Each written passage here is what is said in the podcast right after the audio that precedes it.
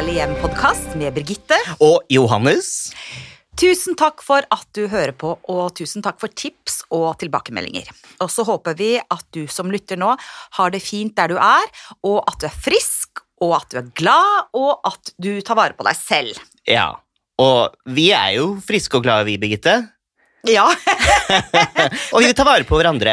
ja og Så vi har funnet ut i det siste at det, er, du er kanskje den personen jeg ser mest for tiden. Ja, i like måte. I disse isole, isolerte tider. Men Mm. vi har faktisk vært ute og gjort litt opptak også.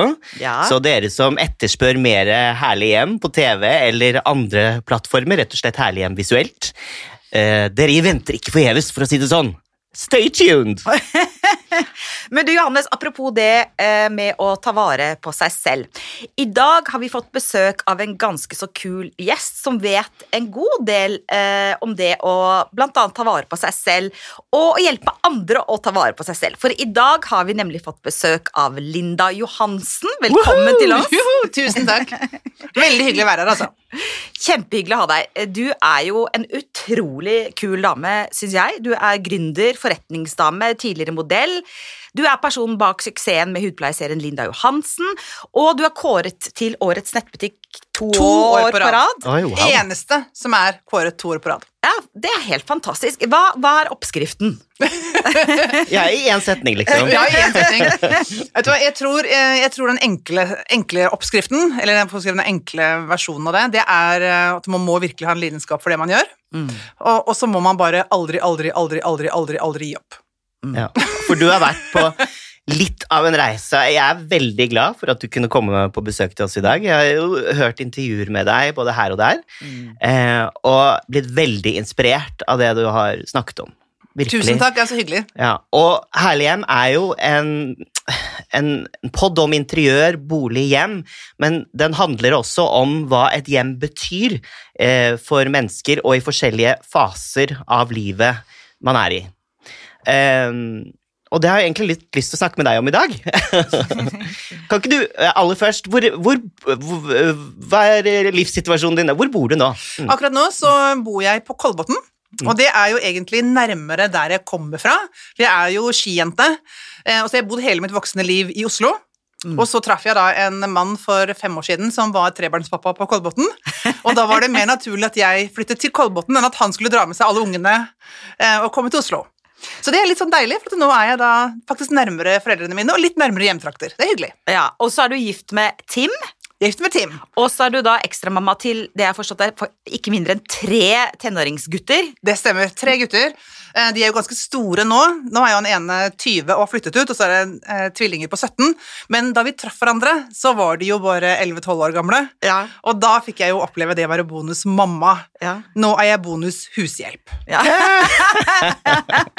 jeg roter de fælt.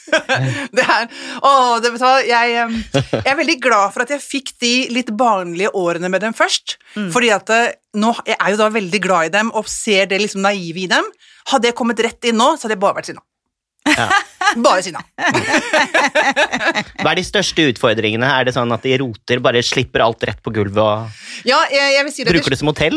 Ja, det, og det er litt sånn artig, for for eh, jeg tror det er et par-tre år siden så hadde vi, var før sommerferien, og så ville Tim gjerne at vi skal vi ikke bare ta oss og leie oss et hus på, på, Mallorca med alle sammen. Så, ja, ja, men det er koselig, sier han. Så sier jeg at men det hadde jo vært litt ok å bo på hotell, da.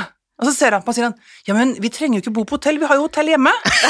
og, det, og så var det sa han, eh, ja, men det, de, det, det er en forskjell. Dere bor på hotell, jeg jobber der. og da fikk han litt sånn, å ja. Ja, ok, ja, sånn var det, ja. Så, og det, ja, tenåringsgutter, eh, jeg vet ikke om jenter eh, er noe bedre, men gutter har den greia med at eh, når de skal kle av seg, Mm. altså hvis de har på seg jeans eller treningsbukse og sånn boksershorts og sånne de bare vrenger alt av i ett. Ja. Sånn at bokseren er vrengt utapå Ja. jeansen. Og så går det på en måte liksom rett på gulvet til vask, og da har vi brukt det én gang, altså jeansen. Og vi prøver å si til dem at ja, boksere skifter du hver dag, men vi trenger ikke å vaske jeansene hver dag. Nei, Absolutt ikke. Men jeg men- tror jo kanskje jenter eh, roter vel så mye med klær som det gutter gjør, da. Eh, Innbiller jeg meg. Jeg har ikke en datter, men jeg har en sønn, og han, er, han bor ikke hjemme lenger, da. Men han har også den der tendensen at det bare går rett ned. Men han har ikke det forbruket av klær som det jeg tror tenåringsjenter har. Det kan nok godt hende, Ja. altså. Nei, for der blir det sånne berg av klær, ikke Ja, sant? ja. Uh, men jeg kjenner meg igjen den derre å bare Vrenge? med underbe- Vrenge, vrenge varianten. Gjør du det, Johannes? Nei! Min kjæreste Jens Lampe eh, gjør det, og det irriterer meg så innmari, for jeg liker å separere ting slik at det ligger klart til oppvask, ikke sant? Ja. Mm. Og det- og ikke oppvask, du tar vel ikke trusen? ja, nei, altså. Men, og, men det også er jo en annen ting som jeg prøver å spørre dere gutta om. Som jeg sier til at det, det, at det, dere er klar over det at når jeg står nede på vaskerommet, så står jeg liksom og bader i møkkete boksershortser. altså, dere kunne ikke tenke dere liksom bare å separere dem, for jeg slipper å stå og ordne så innmari med de møktebokserne! Men Linda, det er jo ikke veldig glamorøst. Det er jo ikke, det er ikke dette her jeg forbinder med deg. Men har du eh, litt sånn OCD? Er du litt sånn kontrollfrik på Ja. rydding og sånn? Ja, jeg, jeg er det. Da jeg møtte Tim, så var det ikke så lett å være det, for da var gutta små, og jeg fløy av redde og rydda rommet deres hele tiden. Og det var jo sånn en ongoing process, kan du si. Nå bare lukker jeg døra og later som at ikke det fins, men i hjemmet vårt generelt, det ser ikke ut som det bor folk der. Oi. Nei, Tim sa det veldig fint når han skulle holde mm, bryllupstale til meg i bryllupet. Når han skulle snakke om liksom, hvem jeg var hjemme, og så sa han at ja, etter at Linda kom inn, så ser det ut som det skal være visning hver dag. Oi. Oi, wow, Så det er litt sånn Nei, det, showroom-aktig? det ser ikke ut Altså, det er um, jeg, er altså, jeg er ganske busy da, når du, har, da, når du bor sammen med bare menn og gutter, liksom. Eh, som ikke helt skjønner den her, hvorfor ikke de får lov til å spise knekkebrød over det mørke teppet i de blå stolene. eh, fordi jeg var sånn Ja, men, ja, men altså, vi må jo leve her. Eh, nei, det må vi ikke!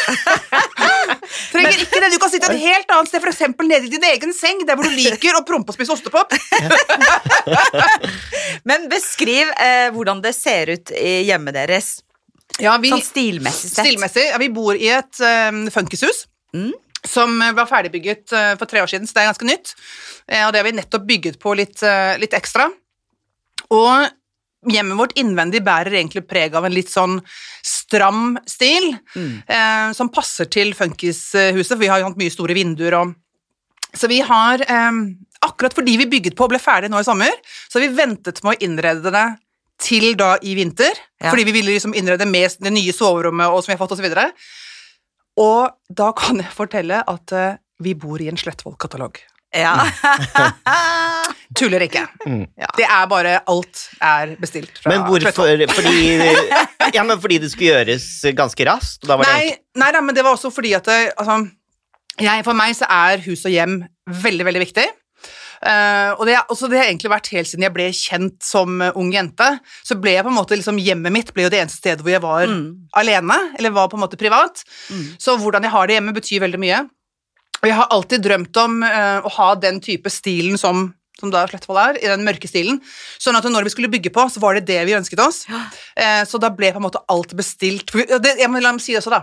Huset vårt det er arkitekttegnet, og han arkitekten var ikke veldig glad i rette vinkler. Oi. Så, så, det, så det er et veldig spennende hus innvendig. Det er ingen rette vinkler, og da er det vanskelig å møblere. Veldig utfordrende å møblere. Veldig utfordrende. Ja. Ja. Så derfor så ble det at alt ble da bestilt til sin plass. ja. Fikk du hjelp, eller? Jeg fikk hjelp. Ja. Og det, og det er også litt sånn, for jeg elsker interiør, men jeg er ikke så veldig god til å sette ting sammen til å lage sånne skal si, sånne grupperinger med ting og sånn. Soner, typ? Ja, men det er sånn jeg vil ha det. Ja. Ja. Eh, Så da fikk jeg eh, hjelp til det, til å se det litt utenfra. Mm. Og nå er det sånn at eh, når jeg er hjemme i hjemmet mitt For jeg er sånn som at jeg elsker å sitte og se på ting. Mm. Jeg elsker å se på ting når jeg er hjemme. Mm. Og jeg må ha liksom gode ting å hvile øynene på. Og nå er det sånn at jeg i hvert rom jeg går inn, så var det sånn Å, så fint det her er. Åh, det er ja, men da, herregud, er mission completed, da. Det er jo Ja. fantastisk. Det er veldig deilig. Og så gjorde vi en ting som vi virkelig ønsket oss, og det er at vi eh, laget oss hotellsoverom. Ja. ja. Så vi har fått oss et soverom, og det er mykt teppe på gulvet. Sant? Og det er, vi har laget vindu, vi har da takvindu, slisse, over sengen vår. Oh, nice. Så når vi lukker opp øynene, det første som skjer, er å se rett opp på himmelen. Å, Å, så det, jeg vet, det er så deilig. Og med walk-in closet, som er når det. Det høres skikkelig luksus ut, og Ja. veldig sånn elegant, klassisk hotell. Hotell er jo veldig sånn Ja. Du har det veldig symmetrisk, ikke Ja. sant? Eh, Mm. To uh, nattbord med lampe på. Ja, det er sånn det er Ja. Og eh, downlights og sånn nå, eller? Ja, downlights, og Mm. alt er veldig symmetrisk i forhold til nattbordene og hva som står på nattbordene, og Ja. med en liten sjeselong og Kult. Og ikke masse nips og Nei, hos hos oss finnes det ikke nips i det hele tatt. Det finnes ikke. Så Men hva ok, det er så mange spørsmål. Hva- er det ved hotellromstilen som eh, fascinerer deg? Nei, altså, både altså, Tim og jeg, vi, vi elsker å, å reise, vi elsker å bo på fine hoteller. Og det handler ikke så mye om det her at eh, det skal, altså, alt må være så fancy for oss, liksom, men det er bare noe med den følelsen eller opplevelsen at når vi reiser på hotell, så reiser vi for å nyte hotellet, ikke fordi at rommet bare er et sted vi skal sove. Mm. Eh, og en av de tingene vi alltid ser etter når vi booker hotell, og der kommer jeg inn, det er, det er um, soverom og bad. Ja. Sånn Jeg må ha et bad med mye lys, mye plass, eh, og så er det noe med å få den her følelsen av det gode teppet på gulvet, de gode putene. Altså, bare, vi bare elsker det. Men, men så skal det også sies, da, at vi reiser veldig mye, så foruten koronatid, så reiser vi veldig mye i jobb. Ja. Og når du skal reise til mange land i jobb hele tiden, så blir du innmari sliten. Og da er faktisk det for oss å ha et godt hotell å bo på og sove godt og på en måte kose oss på hotellet mellom alle møter og alt det hektiske, det betyr mye. Ja. Og gode senger oh. Når man reiser mye i jobben. Det vet jo vi, Johannes, også, som har reist på kryss og tvers eh, øst og vest, nord og sør med herlig hjem. Absolutt. Altså Det å ha en god seng, det er vinn eller forsvinn. Altså. For hvis man Mm. ikke sover eh, eller får hvilt ut og skal ha høyt tempo, som vi skjønner du har, Linda, så, så er det, det er superviktig, rett og slett. Det er så viktig, det er så grusomt å ikke få sove hvis du skal prestere dagen etter. Ja. Og da ligger du jo bare og angster hele veien. Ikke sant? Um, ja. Men, Men apropos sånn- sengetøy, Ja. unnskyld, men apropos sengetøy. Eh, fordi at eh, når jeg tenker på deg, eller vi tenker på deg, så tenker vi først og fremst kanskje på kremene dine, produktene dine, ampullene, alt dette deilige. Men du har også en sånn hjemmekolleksjon med blant annet noe sengetøy. Jeg, har jeg, har, jeg har eh, putetrekk i silke, Ja. og vet du hva, det her er jo litt sånn Jeg er veldig rar når det gjelder sengetøy. uh, jeg, uh, jeg er hun rare dama som går rundt, og det gjorde jeg før, og gikk rundt i sengetøysbutikker og koste med sengetøyet, fordi uh, jeg syns alt klør. Ja. Alt klør. Mm. Altså, det er sånn når, du- når sånn, Å, sånn deilig fladell, og det er sånn Å, det er stykker. Eh, eller Å, men det er sånn eh, deilig sånn sateng, og bare Å, det er stykker. Å, det er stykker. Så eh, det her Og nå høres jeg innmari snobbete ut. Eh, men jeg har sengetøy som er laget av kasjmir. Oi, wow. Kas kasjmir og egyptisk bomull blandet. Oi, hvor får man tak i det? Eh, Jeg lurer nå lytterne på. Nei da, du, det, jeg, det kan vi ikke ikke si det, for det koster så himla mye penger! Jo, men da har du investert i det. Ja, men jeg investerte det, og det er for, dette, for meg den følelsen av å krype ned i sengetøy som jeg bare syns er mykt og deilig. For jeg er hun som koser dyna, jeg koser puta. Jeg har 240 dyne. Åh. Ja, 240-220, ikke sant? Um, og silkeputetrekk. Når jeg først da lanserte det for et år siden, for det handler jo om at silke mot huden, eh, mot ansiktet, er jo faktisk anti-age. Og det er jo fordi at eh, alt annet eh, materiale suger fuktighet ut av huden, og det skaper en friksjon når huden ligger mot sengetøyet. Men silke så vil, den trekker ikke til seg fuktighet, og så vil huden skli. Og det gjør at du ikke lager sånne soverynker. Er det sant? Nei, det, det er ikke tullet, her er det forsket masse på. Du får ikke soverynker, for du får ikke den, de brettene i ansiktet. Du får heller ikke statisk hår eller flokete hår. Håret er like glatt når du våkner om morgenen.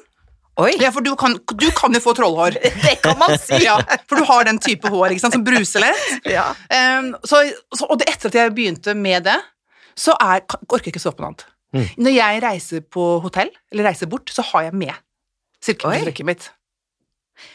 Og så har du også noen sånn sovemasker, er du ikke det? Nei, jeg har ikke sovemasker, men jeg har eh, duftlys. Duftlys, Jeg har deilige uh, duftlys med, som er faktisk veldig miljøvennlige og lukter helt himmelsk. Og det, Men det handler litt om for meg, da, så er det eh, altså, Jeg skal jo ikke starte med interiør, det er jo hud, men for meg så er det dette det går inn, i, inn under det her med velvære. Mm, Ja. Så det er jo litt sånn tenn et deilig duftlys, gå på badet, mm. sant, stell deg. Så Ja. det, det henger litt sånn sammen. Og det å eh, nyte hjemmet sitt og hygge seg hjemme, som vi har snakket en del om i denne Mm. podden, og sette pris på hjemmet sitt og glede seg der, er kanskje viktigere enn noen gang. For nå får vi ikke reist på den eh, fantastiske hotellferien, vi får ikke reist og kose oss i Italia og spist all den vidunderlige pastaen og drukket all den deilige vinen. Så hjemmet er eh, kanskje viktigere enn noen gang som ramme om livet vårt. Og da lurer jeg på, Johannes, eh, har du noen gang opplevd at for eksempel ditt hjem med Jens nå, eller ditt barndomshjem har vært spesielt viktig i en fase av livet ditt?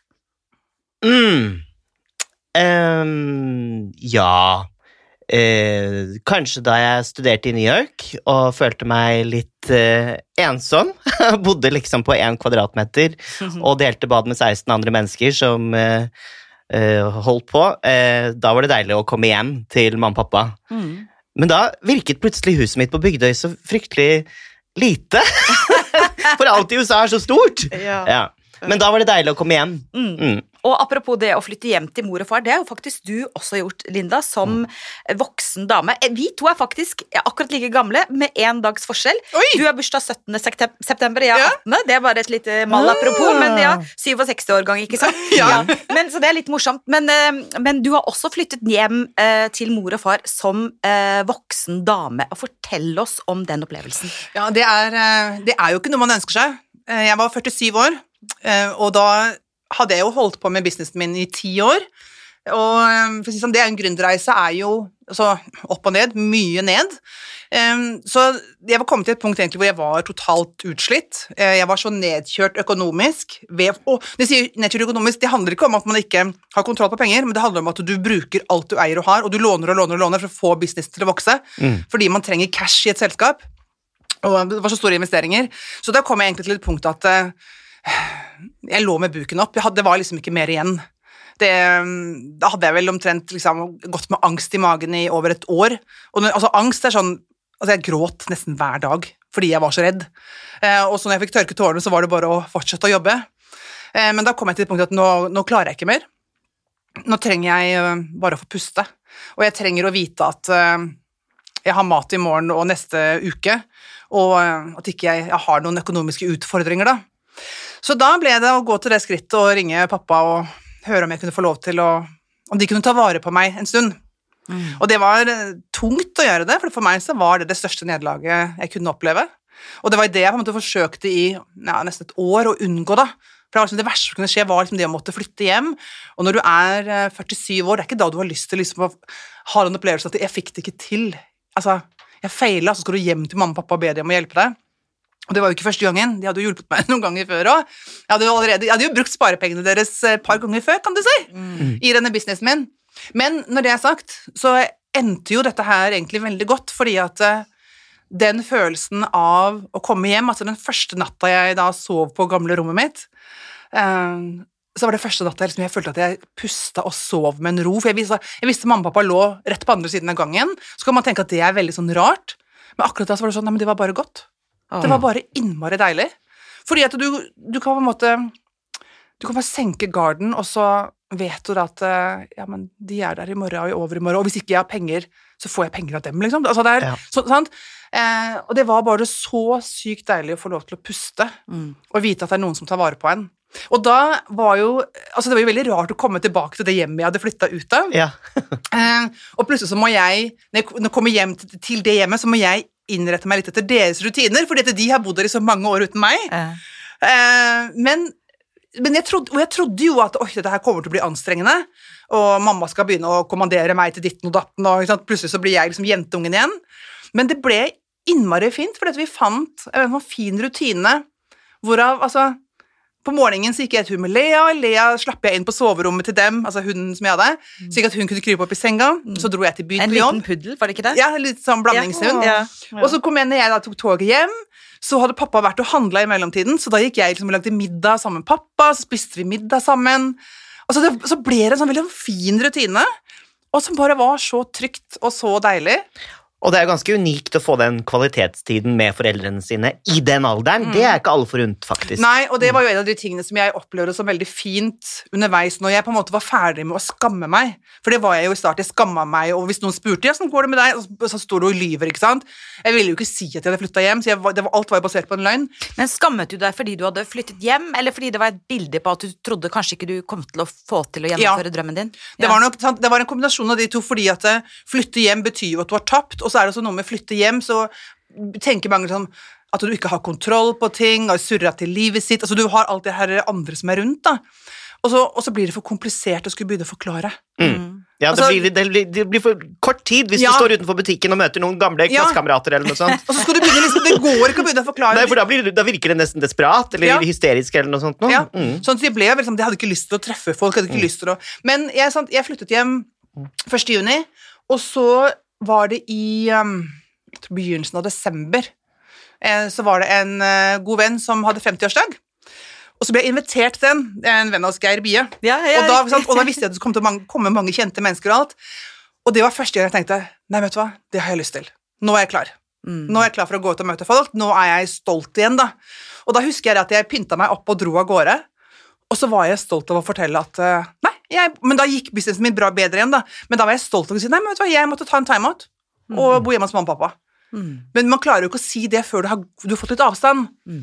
Men, eh, men da, da opplevde jeg egentlig bare det som at eh, Nei, men nå er det fint. Og da kom jeg også inn i den fasen hvor jeg kjente at det, nå er det snart på tide å flytte for meg selv igjen. Men det er jo litt rart, da. Jeg husker når jeg skulle flytte for meg selv, da, begynte å se etter leilighet eh, og hadde lyst til å bo på Fornebu, så husker jeg mamma, for da hadde jeg bodd hjemme så lenge da, og da var det jo midt på vinteren, ikke sant? Rundt juletider. Og mamma syntes jo det her var så fælt at jeg skulle flytte, for de syntes det var så fint å ha meg der. Ja. Men, så var det, men så var hun også sånn Ja, men skal du sitte ute på Fornebu aleine og snø ned der? så det Nei da. Men det gikk fint, det. Så i eh, den perioden da eh, du bor eh, hjemme eh, altså Det er ca. sånn fem år siden, Mm, fem år siden. at du måtte flytte hjem. Eh, så snur det. Eh, og så begynner det å ta av. For at nå har du jo virkelig en stor business. Du har bare 16, 16 ansatte. fast ansatte. Du har eh, business kåres til årets eh, nettbutikk eh, flere eh, år på rad. Du er på NRK i primetime. Du kommer til oss i vår Ja. Altså, nå er du jo altså, virkelig eh, du, har virkelig hatt suksess. Ja, og det er, det er jo veldig rart å kjenne på for en gründer. eh, Fordi at da jeg startet med produktene mine tilbake i 2005, så hadde jeg jo, altså som sikkert alle gründere har, og der var det sånn, jeg skal bygge et skjønnhetsimperium, jeg skal bli skjønnhetsbransjens Grete Rode, dette her skal bli kjempesvært, og jeg ser det for meg ut av landet, og så etter hvert som årene går, så får man liksom jekka ned egoet litt da, på en måte. Får justert selvbildet litt. Grann, Ja. Eh, og så blir det mer sånn Ja, kanskje hvis jeg klarer å leve av det. eh, eh, ikke sant? Eh, og da plutselig kommer dit hen at du ser at businessen begynner å vokse og vokse og vokse, og vokse, og vi har jo vokst i en forrykende fart. altså Vi har jo liksom doblet omsetningen fra år til år. Eh, og damene bare står og jubler. Og vi har fått med oss partnere i Sverige, de skal ta det internasjonalt, så får man litt sånn Oh my lord, er det virkelig fucking sant at det her skjer? Eh, og det tok meg litt tid å tørre å tro på det, for jeg var jo så vant til at hver gang jeg tenkte at oi, nå begynner det å gå bedre, så skjedde det et eller annet, og så var det rett ned i kjelleren igjen. Så i starten når det her begynte å gå bra, så var jeg litt sånn ja, au, det, nå skjer det sikkert noe igjen. Og da koronaen inntraff i, i februar-mars, så må jeg ærlig innrømme at da gikk jeg en hel uke, og jeg hadde så vondt i magen, jeg hadde så angst, for jeg tenkte bare sånn nei, nå går det til helvete igjen. Det var det jeg visste. Ja. Men det gjorde ikke det. Nei, ja, men det var det litt sånn traumatisk, rett og Ja, slett? For da for det- kjenner du på den uh, følelsen Akkurat som ja, når man har hatt kjærlighetssorg en gang, så kjenner man på at det kan uh, komme opp igjen når man opplever noe lignende. Ikke sant? Og da er det jo litt sånn, tenker jeg, da. Ja, for det, det, det som jeg fikk kjenne på igjen da, det var den her eh, for det, altså, Angst er jo en litt sånn der fight or flight-følelse, mm. og du har egentlig bare lyst til å stikke av. Vet, og, og når koronaen satte, satte inn, og den angsten kom, og den kom mandag morgen, helt sånn boom, så kjente jeg den samme angsten som jeg hadde hatt da før jeg måtte flytte hjem. Um, og, og jeg gikk egentlig bare en uke rundt og bare surra. Altså det var sånn, Jeg klarte ikke å fokusere tankene mine i det hele tatt. Jeg var, jeg var sånn sikker på at nå går det til helvete, nå går det til helvete, nå går det til helvete. Men Linda, var du da mest for fordi at eh, dine produkter de sender, selges jo over nett, ikke sant? Så det er jo mye sånn at man bestiller, og så kommer det i postkassa. Eh, hva var det du var redd for? Altså fordi folk eh, handler jo mer på nett enn noen gang. Ja, men det visste vi ikke da. Nei, Vi visste sånn, jo ikke det da, vi visste Nei. jo ikke hva konsekvensene kom til å være. Sånn at det, mitt skrekkscenario var jo nå slutter alle å handle. Nå er det ingen som kommer til å få lønning, nå blir alle permittert, Ja. Det er ingen som har penger til å handle. Mm. Um, og og det, var jo sånn, det var jo det første jeg tenkte på, og så så vi jo at det på en måte ikke skjedde. Eh, og så så vi at kundene var jo veldig til å heie på oss. De var sånn 'Nå må vi støtte Linda!' Nå må alle handle, med å støtte Linda, så det var Ja. veldig kult.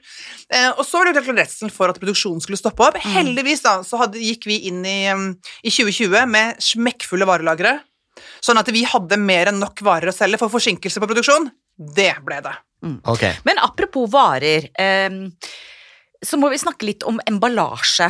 For jeg tenker at ok, dette er herlig hjem, det handler om interiør, men det handler også om design og det estetiske. Og så tenker jeg, du har jo en veldig sånn ren linje på emballasjen din, altså boksene dine, krukkene dine, ikke sant? Den er veldig sånn Hvor viktig har det estetiske uttrykket på selve produktene, altså emballasjen, vært for deg, og hvordan har du jobbet med det?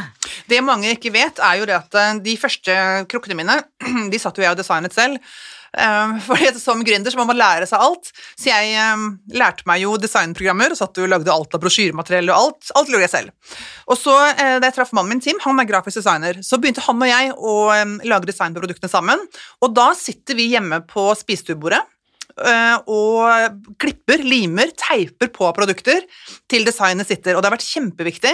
Men samtidig For en kul prosess å være i Ja. med, Ja, ja. med mannen sin også. Ja, ja, at dere er- deler det. vi har det fantastisk. Vi Ja. gjør det Klipp og lim over et glass vin. Nice. Men- Den skal jeg bruke. Men det som jo er nå, nå er jo at eh, nå, nå blir jo alle produktene mine redesignet.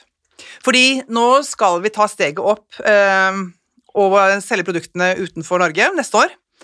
Og Oi, gratulerer. Takk. Wow. Det blir en veldig spennende reise, men da blir alt redesignet, fordi at vi skal jo nå ut og møte konkurranse på en helt annen måte. Så da har vi faktisk nå eh, grafisk designer og designer som sitter i London og gjør dette for oss. Så nå er vi ferdig med at eh, Tim og jeg sitter og gjør det selv. Nå er det proffe, så da har vi en eh, London-designer som redesigner alle produktene. Vi oppgraderer all packaging. Vi har en egen tekstforfatter i London som skriver de engelske tekstene som skal være med min såkalte tone of voice. Ja. Eh, vi skal ha internasjonale modeller. Altså Nå er det på en måte liksom en Det er jo helt fantastisk, men jeg lurer på, betyr det at vi nordmenn i forhold til eh, eh, når vi kjøper produkter, eh, og ofte så er jo det, må jeg bare innrømme, jeg er veldig opptatt av hvordan det ser ut. Ja. Eh, altså emballasjen eh, og krukkene, og særlig hvis man liker å ha det litt framme sånn på badet, at liksom, har man en ting er fin klem da, så skal det liksom se litt delikat ut også. Jeg er litt sånn enkel i huet der, men betyr det at vi nordmenn skiller oss ut i forhold til andre når du skal lansere internasjonalt, at du må tenke på en annen emballering, rett og slett? Nei, det vi, det vi faktisk uh, gjør, det er det at uh, vi skal prøve å få frem um, et, kall det et rent skandinavisk uttrykk enda bedre. Enn det, for det jeg har gjort, og Tim har gjort, når vi har sett på ting, det er at vi ser veldig mye på de andre produktene der ute og sier å, vi må bli litt sånn internasjonale. Men nå sitter det der plutselig helt andre mennesker og ser på oss og sier hvordan kan vi få frem det norske og skandinaviske enda bedre? Kult. Så det er veldig kult. Ja. Så nå er det litt sånn når når de lager sånne moodboards, ikke sant, som de også gjør innenfor interiør, Ja. moodboards med hvordan vi skal representere Linda Johansen ut, så er det jo liksom med Den Norske Operaen, Glaciers, eh, eh, Midnattssol, alt dette som vi forbinder med da det norske, dette, ja, skal inn. bruker de som inspirasjon. Ja. Eh, men du er ikke redd for den gjenkjennelsesfaktoren? da? At du må jo kjenne igjen brandet ditt? Ja, og det, Ja. derfor så har vi jo vært igjennom Vi tok oss tre måneder, for nå vi endrer um, logotypen litt, Mm. og det har tatt oss tre måneder til vi fant på en måte noe som var 'dette er meg'. Nå er det meg. Kommer det et lite reinsdyr på den krukka, det, det, er, litt morsomt det du sier da, for at du var glad for at dere hadde mange produkter på lager, bare tilbake til koronakrise, og eh, i finanskrisen så står det at det kom 1,8 tonn med hudpleieprodukter til salongen min på Majorstua, Ja. og da var det liksom helt motsatt. Ja. Ja. Så Ja, meg, ironisk det... greie, ass. Ja, nå er det, og det er jo litt sånn nå, nå har vi jo et så stort varelager og sender så mange pakker. Vi har jo hatt lageret vårt på, ved kontoret frem til denne sommeren her sånn. Ehm, og hatt eh, da ansatte som har pakket hos oss, men nå har vi da flyttet alt til en tredjepart, for nå er det for stort å håndtere. Fantastisk historie, og, og det gleder oss at, eh, at du har fått til denne suksessen, og, og at du er så fantastisk flink. Men, men jeg må bare først si fordi jeg bare tenker at Skal at, du si noe nå? Ja, Nei, nei, nei. jeg bare tenker at Du har jo gått gjennom en veldig sånn uh, berg-og-dal-banereise, Mm. og det fordrer jo at man kanskje, for å finne inspirasjonen og motivasjonen, er veldig eh, lidenskapelig opptatt av det produktet du holder på med. Mm. Hva er det som gjorde at du ble så opptatt av disse produktene? Eller av, av kremer og Ja. Nei, men så, Hvis vi går langt tilbake i tid, så bunner det ut i min egen dårlige hud. Så det, så det startet med å skulle fikse min egen hud, og da er vi liksom tilbake til da jeg var 30. 28, 29, 30. Og den gangen så var det ikke så veldig mye på det norske markedet. Vi må, hvis vi spoler tilbake i tid, det var jo ikke noe internett hvor du kunne handle fra, og Norge hadde et veldig lite utvalg. Det husker jo du også, Absolutt. Vi som er av den generasjonen. Jeg, jeg, jeg husker også det. Jeg løp jo rundt med Basiron. Jeg hadde så mye kviser. Ja, ikke sant? Så, Ja, tørrhud, ja. Så sånn var det det startet. Så jeg startet jo Jeg fiksa min egen hud ved å reise til utlandet. Og så begynte jeg å se på produkter som var der ute. Og så åpnet jeg salongen min, og da ble det litt sånn Nei, vet du hva, jeg må ha mitt eget. Så, så det er dårlig hud, og, for det, og derfor har hud blitt en lidenskap for meg. Mm. Og hjem, en lidenskap for deg. Og da lurer jeg på, hvorfor tror du det er sånn, det stiller vi, spørsmålet stiller vi til nesten alle gjestene våre, hvorfor tror du det er sånn at vi nordmenn er litt over gjennomsnittlig opptatt av hus og hjem og interiør og design? Ja, men vet du hva, vi lever jo i et land med åtte måneder hvor det er kaldt, mørkt og jævlisert. Jævlig sært, faktisk. og det, er sånn- så, så det ser jeg jo selv, Vi sitter jo inne i hjemmene våre, Ja. Eh, og det er litt sånn som du sa i sted også, hvor viktigheten det var med en god seng. Og det er sånn som forundrer meg, at det er mange som på en måte, de legger mye penger i sofaen, men så har de, sånn her, har de en dårlig seng, så de sover dårlig. Men tenker, vi er jo i hjemmene våre og bruker utrolig mye tid der, og så sitter vi jo der inne aleine, da, i mørten. så, så, så for meg så er det sånn dette med å ha det lunt og koselig rundt meg, og det å ha vakre ting å se på. Hva, og, sant? og Det behøver ikke at det må være dyrt, men det det er vakre ting å se på som gjør at det er Ja, man slapper av. Det er deilig. Det er godt. Har du én gjenstand eller et bilde Ja. et mm? hva, hva da? Jeg har um, min favoritt, eller mitt favorittgjenstand hjemme. Jeg kjøpte på auksjon Å, herregud, da var jeg 26 eller 27 år gammel. Så kjøpte jeg en rocca, en sigøynerpiken. Elsker Råka! Er det Oh God. sant? Men du har sikkert en original. Jeg har en ja. original. Mm. Som jeg, er- hun er stor, Jeg er et stort bilde. eh, I original ramme, så en gammel ramme, og det bildet er så fantastisk. Og det er den fineste, det er den fineste sigøynerpikeversjonen jeg vet om. Oh, wow. Nei, vet du hva? Jeg har faktisk tapetsert et helt rom med Råka eh, hjemme. Jeg Så kult! Ja, det var helt utrolig. Ja, så jeg ser deg på den. Ja, det var veldig morsomt. Men hva er det ved Råka som du elsker? Jeg husker jo helt tilbake fra jeg var barn. Eh, og, Da var det jo eh, sigøynerpikene i noen sånne her billige varianter, men det hang jo i alle stuer. skjønt. Og jeg ble så fascinert da jeg var jentunge, av hvor vakre de sigøynerpikene var. Jeg syns de var så vidunderlige. Så etter hvert som jeg ble, ble voksen, og da jeg var barn, så skjønte jo ikke jeg at dette her var noe ordentlig greie, liksom. Eh, men da jeg ble voksen, så bare fikk, fikk jeg den her med at jeg hadde så lyst på en og så skulle jeg på en eh, auksjon som da skulle selge en rocka, og da ble jeg helt besatt med at jeg hadde så lyst på den. Så, og det her er litt så morsomt, fordi at da auksjonarius da tok frem rockaen, så skal man jo liksom være litt sånn måteholden. Ja, Ja, ja. ja. Og det var sånn, idet han spurte, spurte til interesse, så var jo hånda mi i været. Ja, og, og, det, og jeg tok jo ikke ned hånda igjen. Nei, å, Det var, bare, det var liksom sånn for alle som sitter rundt her Jeg skal ha den! Så fantastisk. Ja. Du må faktisk sende oss et bilde av den Råkaen, så vi kan legge på Story. Det er veldig gøy. Ja, men det skal jeg gjøre. Ja, Og Johannes ble helt blank i øynene. ja men jeg elsker jo rocka og ja. Ja, og det er sant, og det er jo, jeg skal bare si litt til, om det er jo mange av disse rockene Altså, de, de, de er jo mange sigøynerpiker, Ja. og noen av bildene er ikke like skarpe i fargene, men det rockabildet jeg har, altså, det, det er så vakkert, for det er, hun er så nydelig, og det popper så innmari i fargene. Så det har jeg hengende på en plass i stuen, så uansett hvor jeg sitter i stuen da, så ser jeg rockaen. Kult. Og det kan jeg forestille meg er et sånn uh, ja, sukkertøy i stuen din, da. Ja, og hun er så vakker. Ja, mm. Nå skal jeg gjøre et kjempesprang fra Råka til Donald Trump. Er det riktig at du eh, dumpa en date med, med Donald Trump? Ja da. Er det sant? Ja, ja, det stemmer det. Eh, Jeg var da jeg, jeg hadde ikke vært i USA så lenge da jeg møtte Donald Trump, faktisk. Da var jeg jo bare 21 år gammel. Eh, Og så var jeg på en sånn Superbowl-fest i Las Vegas. For det var der jeg bodde da. Og det var jo Donald Trump som hosta den eh, festen. Eh, Så dit var jeg, dro jeg med en eh, voksen venninne på da sånn party. Og Donald Trump, han så meg. Og syntes at jeg var sikkert en veldig søt, naturlig jente, for jeg kom jo da omtrent rett fra Norge. Så jeg jo Jeg var jo ikke blitt amerikanisert. Eh, og da, det, det opplevde jeg jo også i Las Vegas, at alle syntes jo at Oh my God, she's so gorgeous. Så eh, ja, jeg ble spurt om jeg hadde lyst til å gå ut på Det var jo ikke han som spurte, det var jo selvfølgelig en assistenten hans. Ja. Om jeg ville gå ut på middag med, med Donald Trump etter at jeg hadde hilst på han. Eh, og da takket jeg høflig nei. Hva slags inntrykk fikk du av han? Nei, altså Da var jo han busy med å snakke med alle. Um, Så jeg husker, jeg husker på at jeg syntes han var gammel. Ja. For at jeg var 21 år, Ja. eh, og syntes hele settingen var veldig rar. Og når jeg ble spurt om jeg ville ha middag med han, for meg så var det sånn Hvorfor det? Hvor, hvor, hvor, altså, hvorfor, skal jeg, hvorfor skal jeg ha middag med en gammel mann? Jeg, altså, jeg var jo skikkelig norsk naiv. Eh, og så sier jo hun venninnen min at eh, Er du klar over hvilke muligheter du, som kan altså, Han kan sette deg opp en modellkarriere, han kan fikse leilighet. Og så var jeg sånn Jeg trenger jo ikke noen andre til å gjøre det for meg, jeg gjør det sjøl. Nettopp! Og Ja. derfor så tenker jeg at du, du var ikke ung og naiv, du var bare utrolig kul power lady, Nei, og hun, det kunne jo blitt, hun kunne jo vært first lady, da. Ja, men herregud, altså, Hvem vil Altså. være first lady med han soppen der, altså? Da, det, er- nei, det er en utrolig eh, morsom historie, og du har så mye kraft og så mye power, og vi heier på deg. Eh, veldig, veldig gøy. Og nå har vi lært masse om eh, mye i dag også, Johannes. Absolutt. Um, og som sagt, jeg blir veldig inspirert av din historie. Så Og hyggelig. det tror, jeg tror du inspirerer veldig mange rundt omkring. Mm. Jeg håper det. Jeg håper virkelig dette her med at man kan altså være åpen med at ting er tøft også, og at man må gå til det steget som jeg gjorde med å flytte hjem, og på en måte kjempe så mye for noe, men, men så kommer man ut i andre enden. Mm. Sant? Og det er jo, jeg har det jo mye bedre nå enn jeg hadde før.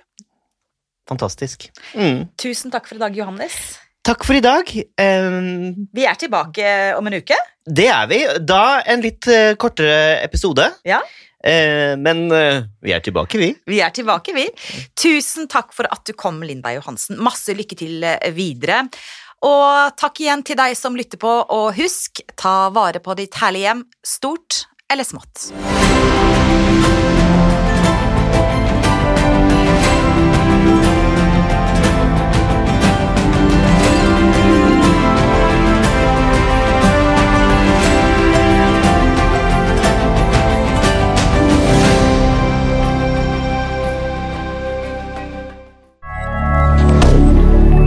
Media.